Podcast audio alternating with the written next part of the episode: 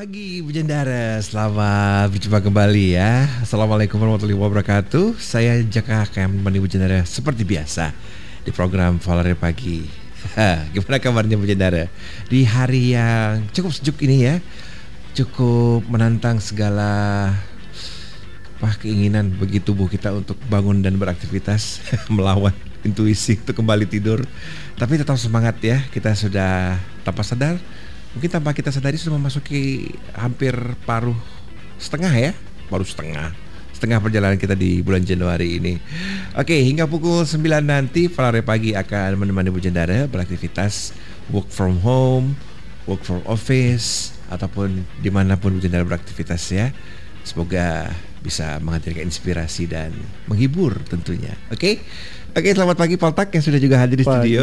Pagi Jaka. Pagi, pagi juga Bu Jendara. Nah, kita ngobrolin yang ringan-ringan saja. Jadi uh, kalau kita bicara mengenai apa ya uh, kebiasaan di rumah itu akan mempengaruhi hingga kita dewasa, betul? Ya, karena apa yang diajarkan waktu masih kecil ya, terutama waktu kita golden age tuh ya, ya. antar 1 sampai 10 tahun itu, itu melekat itu.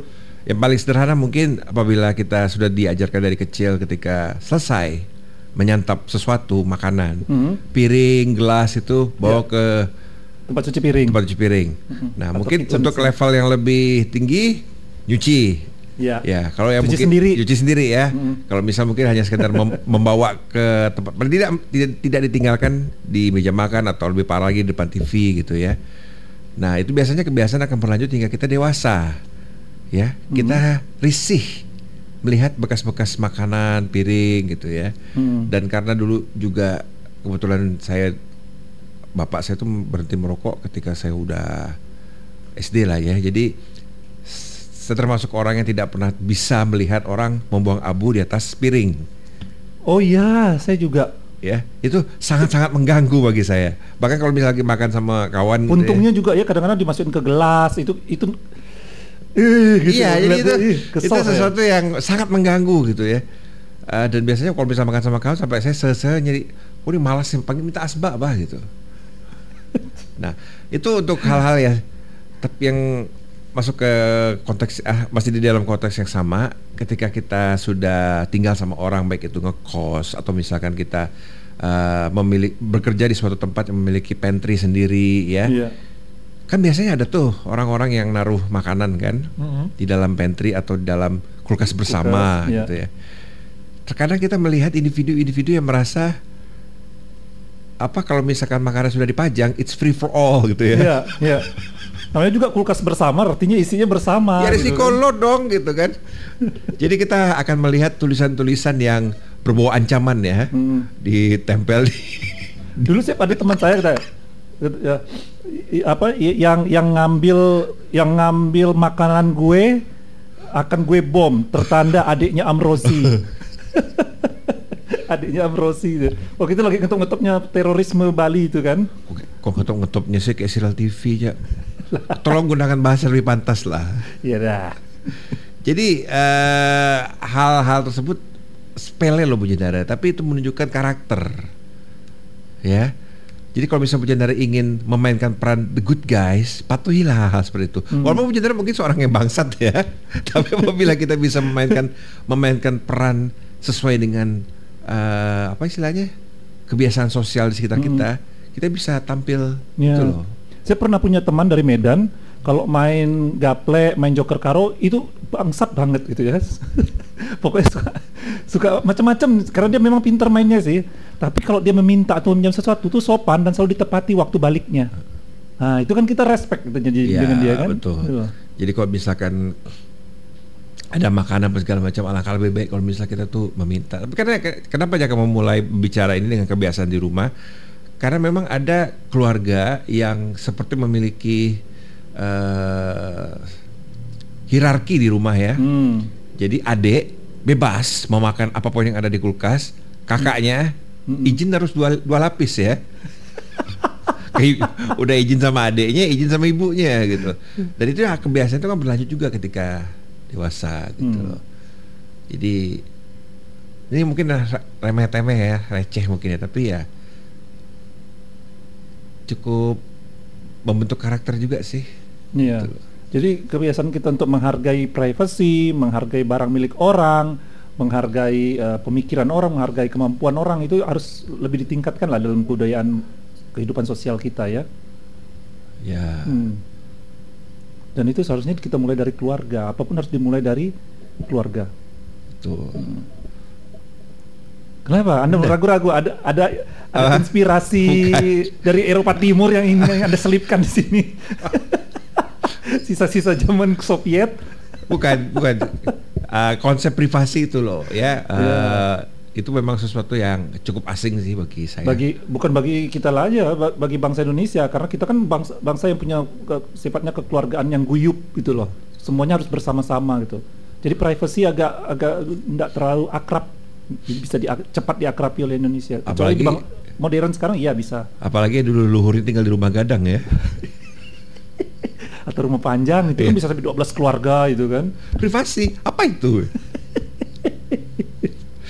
Saya ingat waktu pergi ke ke, apa ke ke pedalaman gitu ya, ada yang bapak ini pintar pijat. Oh, kebetulan saya juga sa- aku masuk angin ya, saya minta pijat. Jadi cuma kita lagi pakai pakaian seadanya kan lagi dipijat bapak itu ya. Itu yang kaum perempuannya keluar masuk aja duduk di samping kita gitu ngobrol. Hah? Saya bilang padahal saya- kita di kamar gitu loh. saya kaget tapi ya udah gitu mungkin biasa mereka seperti itu kan. Jadi kadang-kadang kita harus menegakkan sesuatu, kadang-kadang kita ya harus malah menghormati eh, orang lain gitu loh. Ya di mana atap dijunjung, di situlah ubin diinjak ya. Ada artikel yang cukup menarik di sini ya. Kalau misalnya saudara membandingkan, kita kan suka membandingkan diri dengan Malaysia ya, dan Malaysia suka membandingkan diri dengan kita. Tapi ternyata di sana sudah menerapkan darurat nasional ya untuk Untuk masalah? COVID ini ya. Oh ya. Kenapa memangnya? Tapi kan itu juga berarti Pak tidak pemilu tidak jalan. Oh mereka mau pemilu? Iya. Oh. Kan di sana sistemnya beda sama kita di sini. Di Mm-mm. sana kan uh, sistemnya kan federal dan sudah mulai ada kemungkinan perdana menteri saat ini itu tidak mendapatkan mosi, ya tidak mendapatkan suara mayoritas sehingga bisa kena mosi tidak percaya dan harus pemilu. Tapi karena situasi darurat nasional pemilu tidak boleh. Gitu. Oh. Jadi unsur politisnya kuat gitu, Pak. Bedanya. Hmm.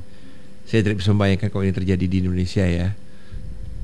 Betapa hebohnya. Kemarin aja pemilu yang mau ditunda itu kan Pilkada. pilkada apa pemil- ya pemilu lah pilkada apa aja Pemilu itu pemilihan umum nasional. Kalau pilkada? pilka- pemilihan dae- pemilihan daerah. Jadi untuk untuk kepala daerah. ah semantik sekali jadi eh apa begitu banyak eh, keluarga-keluarga kerajaan yang marah-marah ya gimana nanti anak saya tidak bisa jadi gitu kan Oh iya, mereka, mereka tuh masih masyarakatnya masih ini ya, masih memandang tinggi keluarga kerajaan ya. Ya ember Hmm. jadi eh apa tuh Hmm? apa tuh Ya, Senyum-senyum dikirain lagi bacain gosip kan? Enggak, ini. kuda bunyi kuda bunyi Apa ada masuk Ah, suara saya? ya, ya, oke. Iya. tidak jelas tapi Ya, banyak pernikahan. Banyak pernikahan akhir-akhir ini terpaksa tidak tidak rame-rame ya, tidak diakhiri. Eh, Ah, siapa tidak bilang? dihadiri kok tidak diakhiri. siapa bilang Hah? siapa bilang itu mitos Polsak Gitu. Saya sudah melewati dua per- dua resepsi yang menutup jalan seperti biasa ya. Hmm. Pandemi apa itu?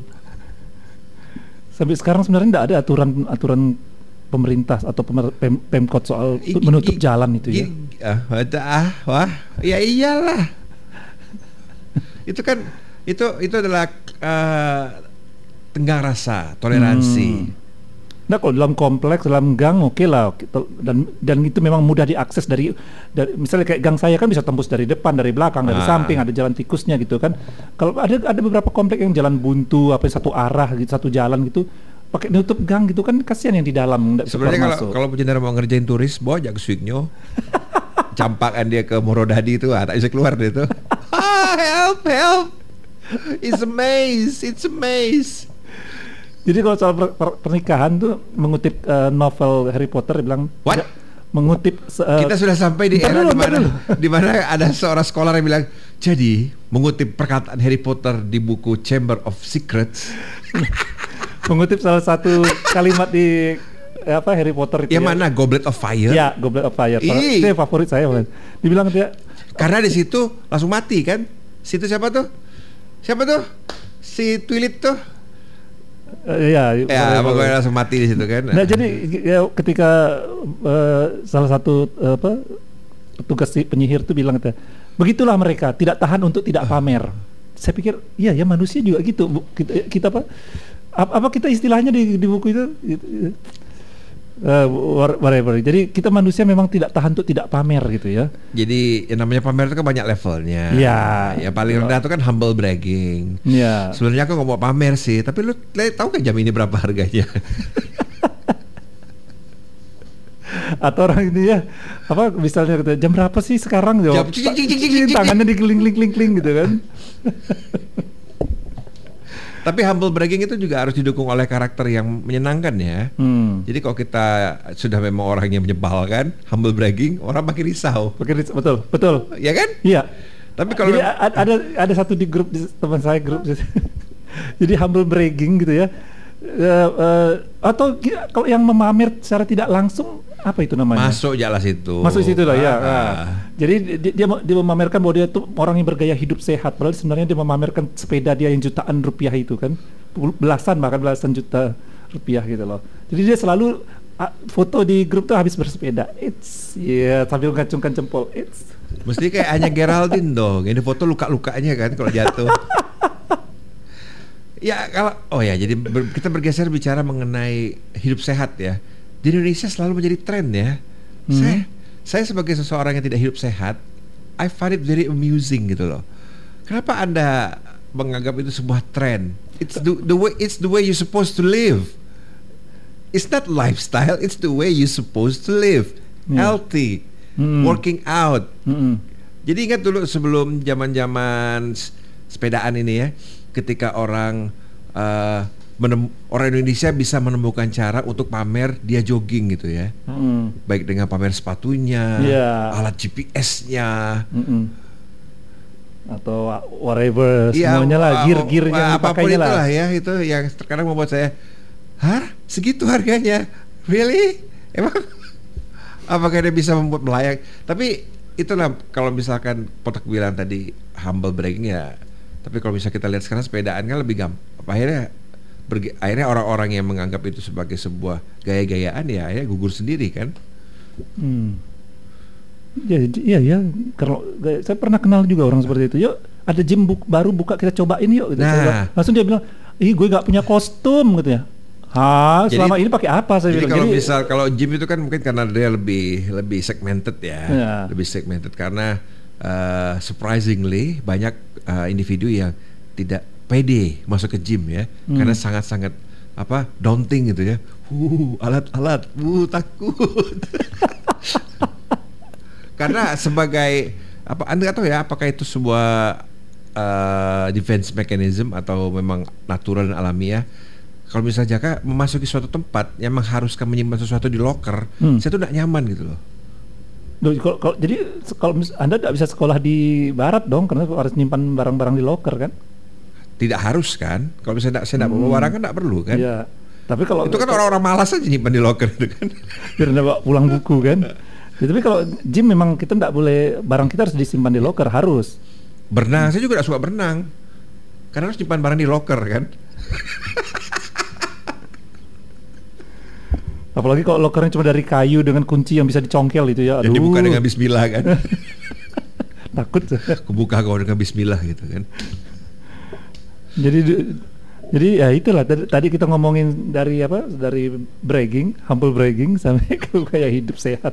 Sebenarnya tadi mau ngupas soal bragging ini. Ya, teruskan pamer lah. ini. Teruskanlah. Kenapa pamer? Ya pamer itu se- sekarang kan udah berba- ber- eh, sejak eh, zaman sosial media ini kan pamer itu kan sekarang udah levelnya beda ya. Ya. Nggak kayak dulu ya. Dulu kita harus ke social event ya untuk untuk pamer. Mulai dari arisan keluarga sampai acara ac- acara apa, apa kayak Acara instansi. acara instansi. sampai pasar malam gitu ya. Pokoknya ada social event lah, ada tempat di mana kerumunan ramai orang. Kita ba- baru bisa bragging dari pakaian apa semuanya sampai gadget. Sekarang di sosial media orang tinggal foto atau bergaya di depan eh, di, di, di, di sebuah video, tapi di apa di, di istilah dalam tanda kutip dikamuflasekan gitu ya, dihumblekan bahwa itu sebenarnya pamer gitu kan. Dan dan selalu apa uh, ngelawannya tuh ah bilang aja sirik. Iya gitu betul betul. Iri bilang bos. Sirik tanda tak mampu. Kadang sih Jaka lebih suka saya nggak sirik nggak iri, saya, saya dengki. nice. saya dengki dengan dengan hidup kalian yang bisa hura-hura gitu loh di tengah huru hara. Ah, dan kemarin juga ada ada yang share sama Jaka kalau misalkan mau sewa gadget juga udah ada sekarang ya. Iya, Ah. mulai kalau pokoknya untuk keperluan untuk pamer ya. Ha-ha. Jadi sewa gadget, sewa tas ma eh, tas kelas Tas. mahal, sepatu mahal, baju juga ada bisa disewa. Ada mobil, mobil mewah juga bisa.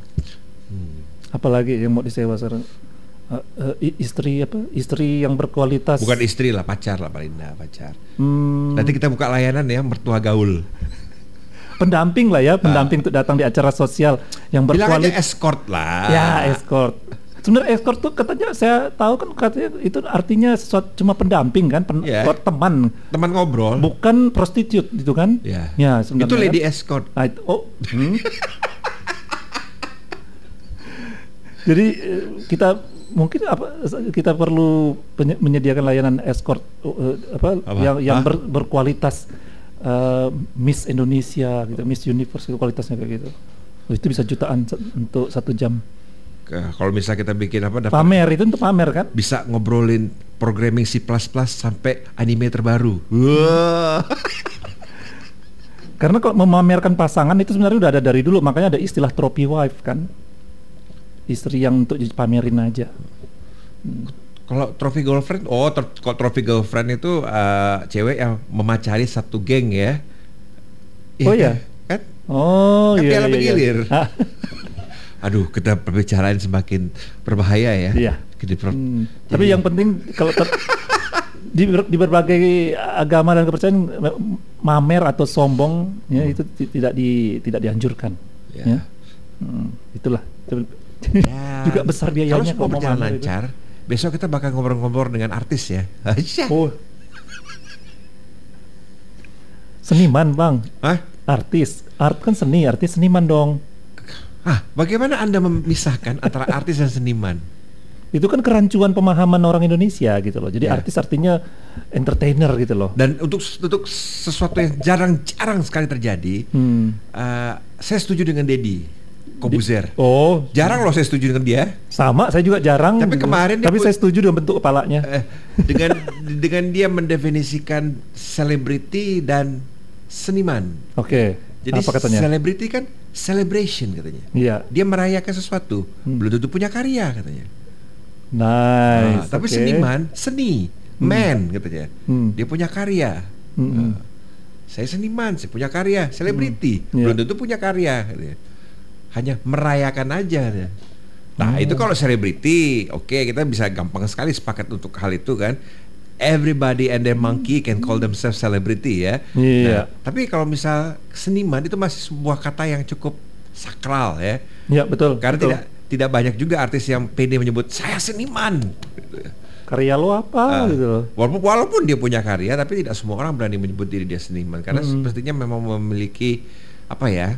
Harus punya dedikasi terhadap dunia seni gitu loh. Seniman itu. Apakah harus melarat? Enggak, itu, itu, itu, itu, itu salah itu. Seniman harus melarat. Banyak seniman kita kaya raya Kan loh. tidak tidak tidak berkompromi dengan dengan kemauan publik, Poltak. Ah, diam kan? Sibuk mainkan inhaler kan? Hmm. Jadi kalau misalkan saya jangan secara pribadi sih mendefinisikan seniman itu adalah mereka yang tidak apa ya tidak berkompromi dengan permintaan pasar ya eh, konsisten berkarya dengan apa yang dia inginkan Hmm. dan apabila along the way dia menghasilkan uang itu merupakan by product dari hasilnya Iya, iya. tapi bukan tujuannya Mm-mm. Nah, kalau misalnya Jaka sih menganggap bahwa yang paling penting itu adalah tujuannya itu apa gitu. Iya. Seeking fame, collecting money, ya. Tapi kalau bisa kita bicara seniman yang dalam, dalam arti yang sesungguhnya adalah uh, sekelompok individu yang memiliki dedikasi terhadap art form. Nah, dan kalau misalnya kita bicara bentuk seni ya, kelahi lagi kita. Seni itu apa dulu? Banyak. Sesuatu yang mungkin Bu anggap sebagai hal bodoh, tapi bagi orang lain mungkin bisa dianggap sebagai sebuah bentuk karya seni gitu ya. Hmm. Tumpahan cat, wow, masterpiece. Hah? Anak saya juga bisa bikin itu. Wow, komentar-komentarnya bikin kesal kayak gitu kan. Sebenarnya banyak yang sudah mematahkan uh, anggapan bahwa seniman itu uh, secara finansial kere gitu ya. Nah, an- anak-anaknya diasuh oleh keluarga lain.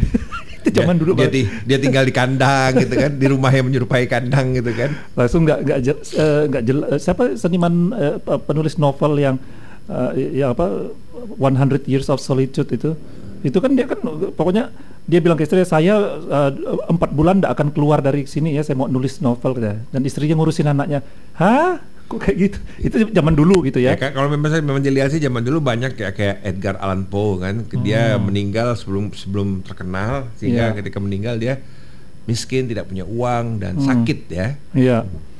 Kemudian juga banyak yang bertingkah aneh-aneh bahkan menentang menentang apa istilahnya struktur sosial gitu misalnya kayak Picasso yang sangat womanizer gitu ya. Harusnya Picasso pindah ke Indonesia aja ya. Dia kan dianggap normal. Tapi sebenarnya di Indonesia sendiri banyak seniman-seniman yang yang uh, istilahnya Sok nyentrik. enggak. Oh, Uh, apa hidupnya mapan gitu loh. Bisa kalau enggak mau dibilang kaya raya gitu loh. Misalnya seniman keramik F Wijayanto itu ya. Tahu kan yang buat buat apa? Nggak. uk- saya taunya Ubin dari apa? Mulia, Mulia Keramik. sebenarnya sebenarnya dia punya dia punya kalau mengandalkan dari ke, eh, ke- apa eh, studio keramik atau dari pabrik keramik dia dia udah enak aja santai tapi karena dia seniman dan tadi salah satu ciri yang Jaka bilang harus konsisten berkarya dia setiap tahun pasti mengeluarkan sebuah pameran keramik hasil betul-betul murni karya dia gitu loh yang betul-betul hasil dedik eh, apa istilahnya inspirasi dia gitu loh Apakah dia bikin keramik dengan lambang anarki? Enggak. Langsung eh, ingat dulu dia pernah sempat membuat jadi pembicaraan dunia seni Indonesia ketika dia membuat pameran yang dia menginterpretasikan Ganesha. Hah? Ganesha, ya Allah, kan anak SMA 1, lam- lambang SMA 1 itu Hah? ga- Lambang? gajah dalam mitologi. SMA kita punya lambang nggak? Hah? Nggak tahu lah. tuh. Tuh, jadi eh, Kok Ganesha sih? Itu kan udah jangan ke sana, jangan ke sana. Saya hanyutkan Anda di Kapuas nanti ya. nanti aja itu. Jadi Ganesha itu salah satu dewa dalam mitologi Hindu yang mer- Nah. dia dulu Ya, yang, yang ya, berwujud setengah manusia setengah gajah. Dia adalah dewa ilmu pengetahuan, pendidikan dan juga ap- apa istilahnya inovasi Wah, dan juga penciptaan. apakah dia naik motor? Charlie. Nggak boleh eh. Untuk teman-teman yang Hindu maaf ya. Ini teman saya memang lagi kebanyakan belum minum kopi dia. Eh kebanyakan kopi. Nah jadi F. Widayanto ini kan dulu langsung dia membuat menginterpretasikan uh, wayang golek dengan koleksi ukelan dia itu kan. Gua What are you talking about? I don't Nah, F. understand. F. Widayanto What, ini. what the hell is ukelan? Ukelan itu sebenarnya uh, salah satu uh, Unyel-unyel. kayak kayak uh, apa, Apa sih? teknik sanggul orang-orang Jawa atau orang-orang Sunda zaman dulu. Untuk- Eh? Iya iya untuk apa sinden-sinden mereka itu. Nah, ke, dan dia, seni, waktu itu sempat menjadi heboh juga ketika di seni ukilannya ini dia menaruh batu permata atau uh, ya precious stone di di karya-karya patung seni ukilan dia itu.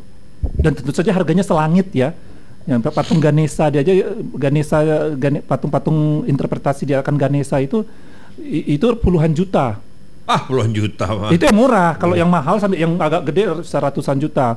Ya, Tapi itu jadi prestise karena banyak orang-orang kaya di, Amer- eh, di Amerika lagi di Jakarta itu ber- malah berebutan gitu ya karena bisa dipajang di ruang di ruang tamu mereka gitu loh. Itu orang kaya iseng-iseng belanja belinya mobil listrik. Jadi dia lev- level karya dia itu udah level kelas atas, kemudian juga dia apa hidupnya mapan kalau nggak mau bisa bisa bisa dibilang kaya raya dan dia Crazy rich. Hmm, dan dia merah anjing sampai puluhan ekor ya, ngeri saya ngeliatnya. tapi tapi gini loh, sebagai seniman dia tetap bahwa aslinya akarnya dia adalah seniman, berpegang pada apa? Seni. Dan dia tetap istilahnya continue berkarya gitu loh. Karena seniman kalau tidak berkarya artinya dia bukan seniman gitu kan. Seniman itu kan eh, apa inspirasinya itu seperti air kan ngalir terus dan kalau tidak di apa di dipresentasikan apalah sumbangsih dia pada dunia ini kan Nah, itu dia. Itu seniman ya. Lain dia itulah yang disebut artis, seniman. Bukan entertainer atau selebritis. Kalau entertainer kan dia harus masuk dulu baru bisa menghibur kan? Iya. Enter, entertainer. Mulai ngaco. Ini kafein terlalu banyak nih arti pagi-pagi ini. Jadi kembali ke Ganesha. Ya. Udah, Ah, kenapa? Udah. Nggak usah. Kan dia melayani Tuhan sekarang. Oh. Kalau sudah tenang itu saya kira udah udah, udah di dunia lain Jadi gitu. kemarin ngobrol sama eh, sama temen ya bahwa ternyata eh, tidak hanya di Islam musisi-musisi itu akhirnya meninggalkan kita ya. Hmm. di Nasrani Kristen juga. Oke bicara soal kesehatan Pujandara ya Hmm. Eh, Jangan mengambil saran kesehatan dari saya Tapi dari potak Jadi apa? Jadi tiba-tiba saya lihat matahari dari jendela itu cerah gitu. Oke, Wes. oke matahari keluar sedikit. Wes Jadi Waktu saya menjemur Ah, betul. Jadi terutama untuk para bujang yang baru ber- berstatus papa muda, cia. Kan biasanya kan apa yang di, sering di, eh, orang yang baru punya anak lakukan ketika matahari keluar di pagi hari? Jemur bayi kan? Enggak Ngapain? Tarik tirai Jadi saya barusan melihat eh, tetangga gitu jemur bayinya ketika kan sekarang matahari jarang jadi begitu keluar matahari dua, dua hari kemarin itu kan mereka jemur jemur bayinya jemur anaknya kan berjemur sama anaknya lah. Bukan bukan dijemur ya berjemur bersama Kesan anak. kayak ikannya Itulah. Dijemur taruh di seng gitu ya. Saya, saya sampai iri aduh anak bisa jemur anak loh wong saya sendiri jemur ini ya kerupuk rengginang ibu saya gitu kan. Udah gitu saya yang ditodong ibu saya. Awas kalau lupa ya kerupuk rengginang dia kok saya yang wajib mantau. Jadi gini loh Pak Bujang Dara ya. Jadi sebenarnya ada beberapa hal yang perlu kita perhatikan ketika menjemur bayi ya untuk mendapatkan manfaat yang maksimal. Apalagi eh, Lima menit dibalik ya. Apa habis itu masukkan oven dengan suhu sekian derajat gitu. Jadi sebuah studi kalau tahun 2017 menunjukkan kalau paparan sinar matahari itu secara teratur dapat memberikan bayi tingkat vitamin D yang cukup untuk proses pertumbuhan yang optimal ya. Apalagi kalau ada yang katanya soal saya kurang paham ini di darahnya tuh bilirubinnya kurang atau apa jadi bayinya itu kekuning-kuningan gitu loh. Nah, itu biasa perlu eh, memang eh, vitamin D ya sehingga penting untuk dijemur. Nah, per- ada beberapa hal yang perlu diperhatikan. Pertama, satu, pilih waktu yang tepat. Ya. Pastikan kalau bayi terpapar sinar itu 10 sampai 15 menit aja cukup antara jam 7 sampai jam 10 pagi. Tapi kalau menurut secara tradisi yang saya tahu itu Secara estetik secara estetik jam 7 sampai jam 8. Nah, tapi kalau secara teman saya yang dokter bilang 8.30 eh, 7.30 sampai 8.30 itu biasa eh, saya berolahraga itu jam 7.30 sampai 8.30 sebelum akhirnya muncul di pola pagi. Jadi satu jam se- setelah matahari terbit dan satu jam sebelum matahari terbenam dianggap sebagai waktu terbaik untuk berjemur. Nah, kalau yang matahari sebelum matahari terbenam ini masih jadi perdebatan karena katanya ada yang bilang bisa merusak eh, apa pertu- eh, mata bayi karena ultravioletnya kuat katanya- kalau sore hari itu ya. Jadi masih jadi perdebatan kalau yang sore. Lebih bagus sih pagi. Jadi karena kulit bayi ini masih sensitif ya, usahakan agar tidak berjemur terlalu lama, apalagi hingga lebih 30 menit, tidak perlu. Dan juga tidak perlu untuk bapaknya sambil ngerokok ya jemur anak. saya kesel loh ngeliat orang nemenin anaknya berjemur di pangkuknya anaknya basi bayi dan dia ngerokok itu. Geram saya. Tolong lah ya kalau misal Aduh Nggak bisa kenahan mulut tuh sebentar gitu ya demi anak itu loh. Atau ibunya sambil main HP gitu ya, sampai udah 30 menit anaknya nggak diangkat, nggak dibawa masuk gitu. berarti merokok itu tidak susah kok bercandara Yang penting itu niat Cie Niat atau atau itu ya omelan istri gitu niat, kan. Yang penting niat ya, tulus ya Hmm. Karena kalau terlalu lama nanti paparan sinar ultraviolet ini dapat merusak selaput kulit bayi yang masih sensitif ya, bisa kemerahan dan iritasi nantinya. Nah, yang kedua, gunakan pa- eh, pada bayi pakaian yang minimal ya. Jadi Minimal pakai baju ya. Jadi eh, apa eh, yang yang paling penting itu katanya eh, termasuk dada dan punggung bayi itu mendapat paparan sinar yang sama ya. Jadi pastikan anak eh, kalau bisa sih eh, tidak berpakaian dalam arti cuma pakai popok aja lah gitu ya. Lindu- lindungi juga matanya ya boleh pakai topi bayi ataupun kita bisa di bawah payung gitu ya jadi untuk menghindari kerusakan gitu loh nah kemudian yang ketiga itu pilih lokasi yang tepat Ya, tidak perlu menjem- menjem- menjemur bayi itu di area yang terlalu terbuka. Jangan juga di simpang komplek ya. Ya, gitu ya, banyak asap motor, asap mobil lewat gitu ya. Sambil ngelewatin tetangga yang mau pergi kantor, bu, gitu ya. Tapi anaknya anaknya ngirup udara kotor gitu kan. Kemudian bisa juga kita di jendela ya, cukup buka jendela kamar untuk mengalirkan sinar matahari Kok dan bisa jangan di lantai dua tapi ya. Iya, dan biarkan bayi terpapar cahaya. Ini teman saya yang tinggal di Gajah Mada ini kan, karena sangat dempet-dempet rumahnya, jadi terpaksa dia tinggal di tempat orang apa? Sementara eh, asisten rumah tangga jemur pakaian, dia jemur anaknya. nah, jika eh, bujang dara jika cuaca berangin, ya bayi tetap berada dalam ruangan aja, ya agar terhindar dari paparan debu. Seperti saya bilang lebih bagus di belakang di balik jendela kalau angin kuat, ya. Bayi juga bisa berjemur di bawah sinar matahari melalui jendela kaca kok, ya, yang transparan. Ya. Kemudian yang keempat, perhatikan kalau bayinya prematur. Ya, disarankan tidak terkena paparan sinar matahari pada beberapa minggu pertama kalau bayi prematur. Karena luar biasa itu belum ya pertumbuhannya belum maksimal itu kan. Jadi belum waktunya keluar sebenarnya bayi prematur itu. Ya, ya bayi prematur ini membutuhkan suhu tubuh yang stabil. Oleh karena itu kalau bayi prematur harus jauhkan dari paparan cahaya matahari pada periode-periode awal kehidupannya. Ah, Poltek seperti penyuluhan di posyandu ya. Iya. Sudah ibu-ibu paham? Sudah mas. Tiga lagi ya Bu ya. Habis itu baru nanti kita cicipi kuenya. Kemudian yang kalau kalau bayi memiliki kulit yang kelima perhatikan eh, sensitivitas kulit bayi ya tidak jadi tiap bayi itu sensitivitas kulitnya beda-beda. Nah, jika bayi memiliki kulit yang sensitif, disarankan untuk konsultasi lebih dahulu dengan dokter sebelum melakukan aktivitas berjemur ya. Jangan sampai nanti kulit menimbulkan ruam, pengelupasan dan iritasi. Jadi dia nanti tidak bisa istirahat, bayi yang kurang istirahat pertumbuhannya juga kurang. Dan mengganggu istirahat orang tuanya.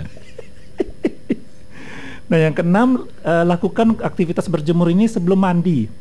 Ya, disaran sebelum mandi. Orang malah terbalik biasanya ya mandi Mandiin dulu, dulu, baru gitu. berjemur kan. Biasanya Ini karena kebiasaan manusia, bangun tidur ku terus mandi. Jadi mandi dulu baru beraktivitas. Oh, berarti dosa yang bikin lagu tuh ya. Eh, Disuruh keramas nak mau. Nah, di lagu, Mak. Sarapan Eh, sebelum atau sesudah gosok gigi? Sarapan. Saya tidak sarapan. Oh, hmm, hmm, hmm. Tapi makan siangnya dua kali. Jadi punya darah eh, disarankan untuk menjemur bayi sebelum mandi ya. Ini maksudnya ini akan membantu eh, kita untuk bisa membersihkan segala area tubuh bayi dengan menyeluruh setelah bayi dibawa keluar atau berjemur ataupun dia setelah berkeringat kan. Nah yang ketujuh, tapi bayi keringatnya tidak banyak kok kelenjar keringatnya kan belum aktif kan, makanya bayi itu wangi terus, tidak pernah bau. Ee-nya kali. yang terakhir ya pantau, tetap pantau suhu tubuhnya. Ini yang penting.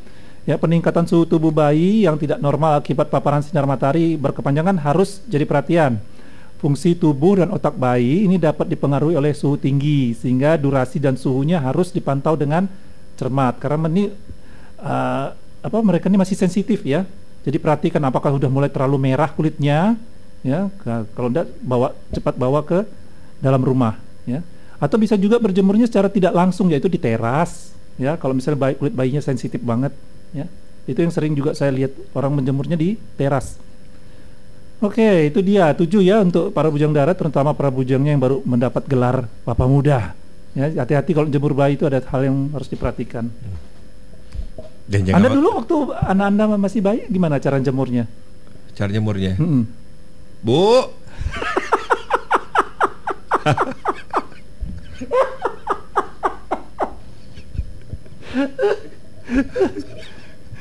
Nggak dilulur apa lo- lotion atau apa? dulu ya enggak ya. Apa tuh? Jadi enggak perlu dilulur-lulur macam-macam kan? Enggak sih, paling ya Dikasih apa dulu sedikit, sebelum uh, berjemur enggak kan? uh, dua sendok mozzarella biasanya. Biar diem. Enggak lah, tidak tidak memiliki ya karena Enggak ada masalah kesehatan sih dulu ya kali ya. ya Hmm, alhamdulillah lancar, tidak- lancar, lancar, alhamdulillah. lancar. Cuma memang agak lasak ya. Oke, itu tas sudah kebersamaan kita berjendera ya untuk Valare pagi pe- pekan ini pula. Hari ini ya. Jadi Biasa seminggu sekali ketemu Oh kan. iya.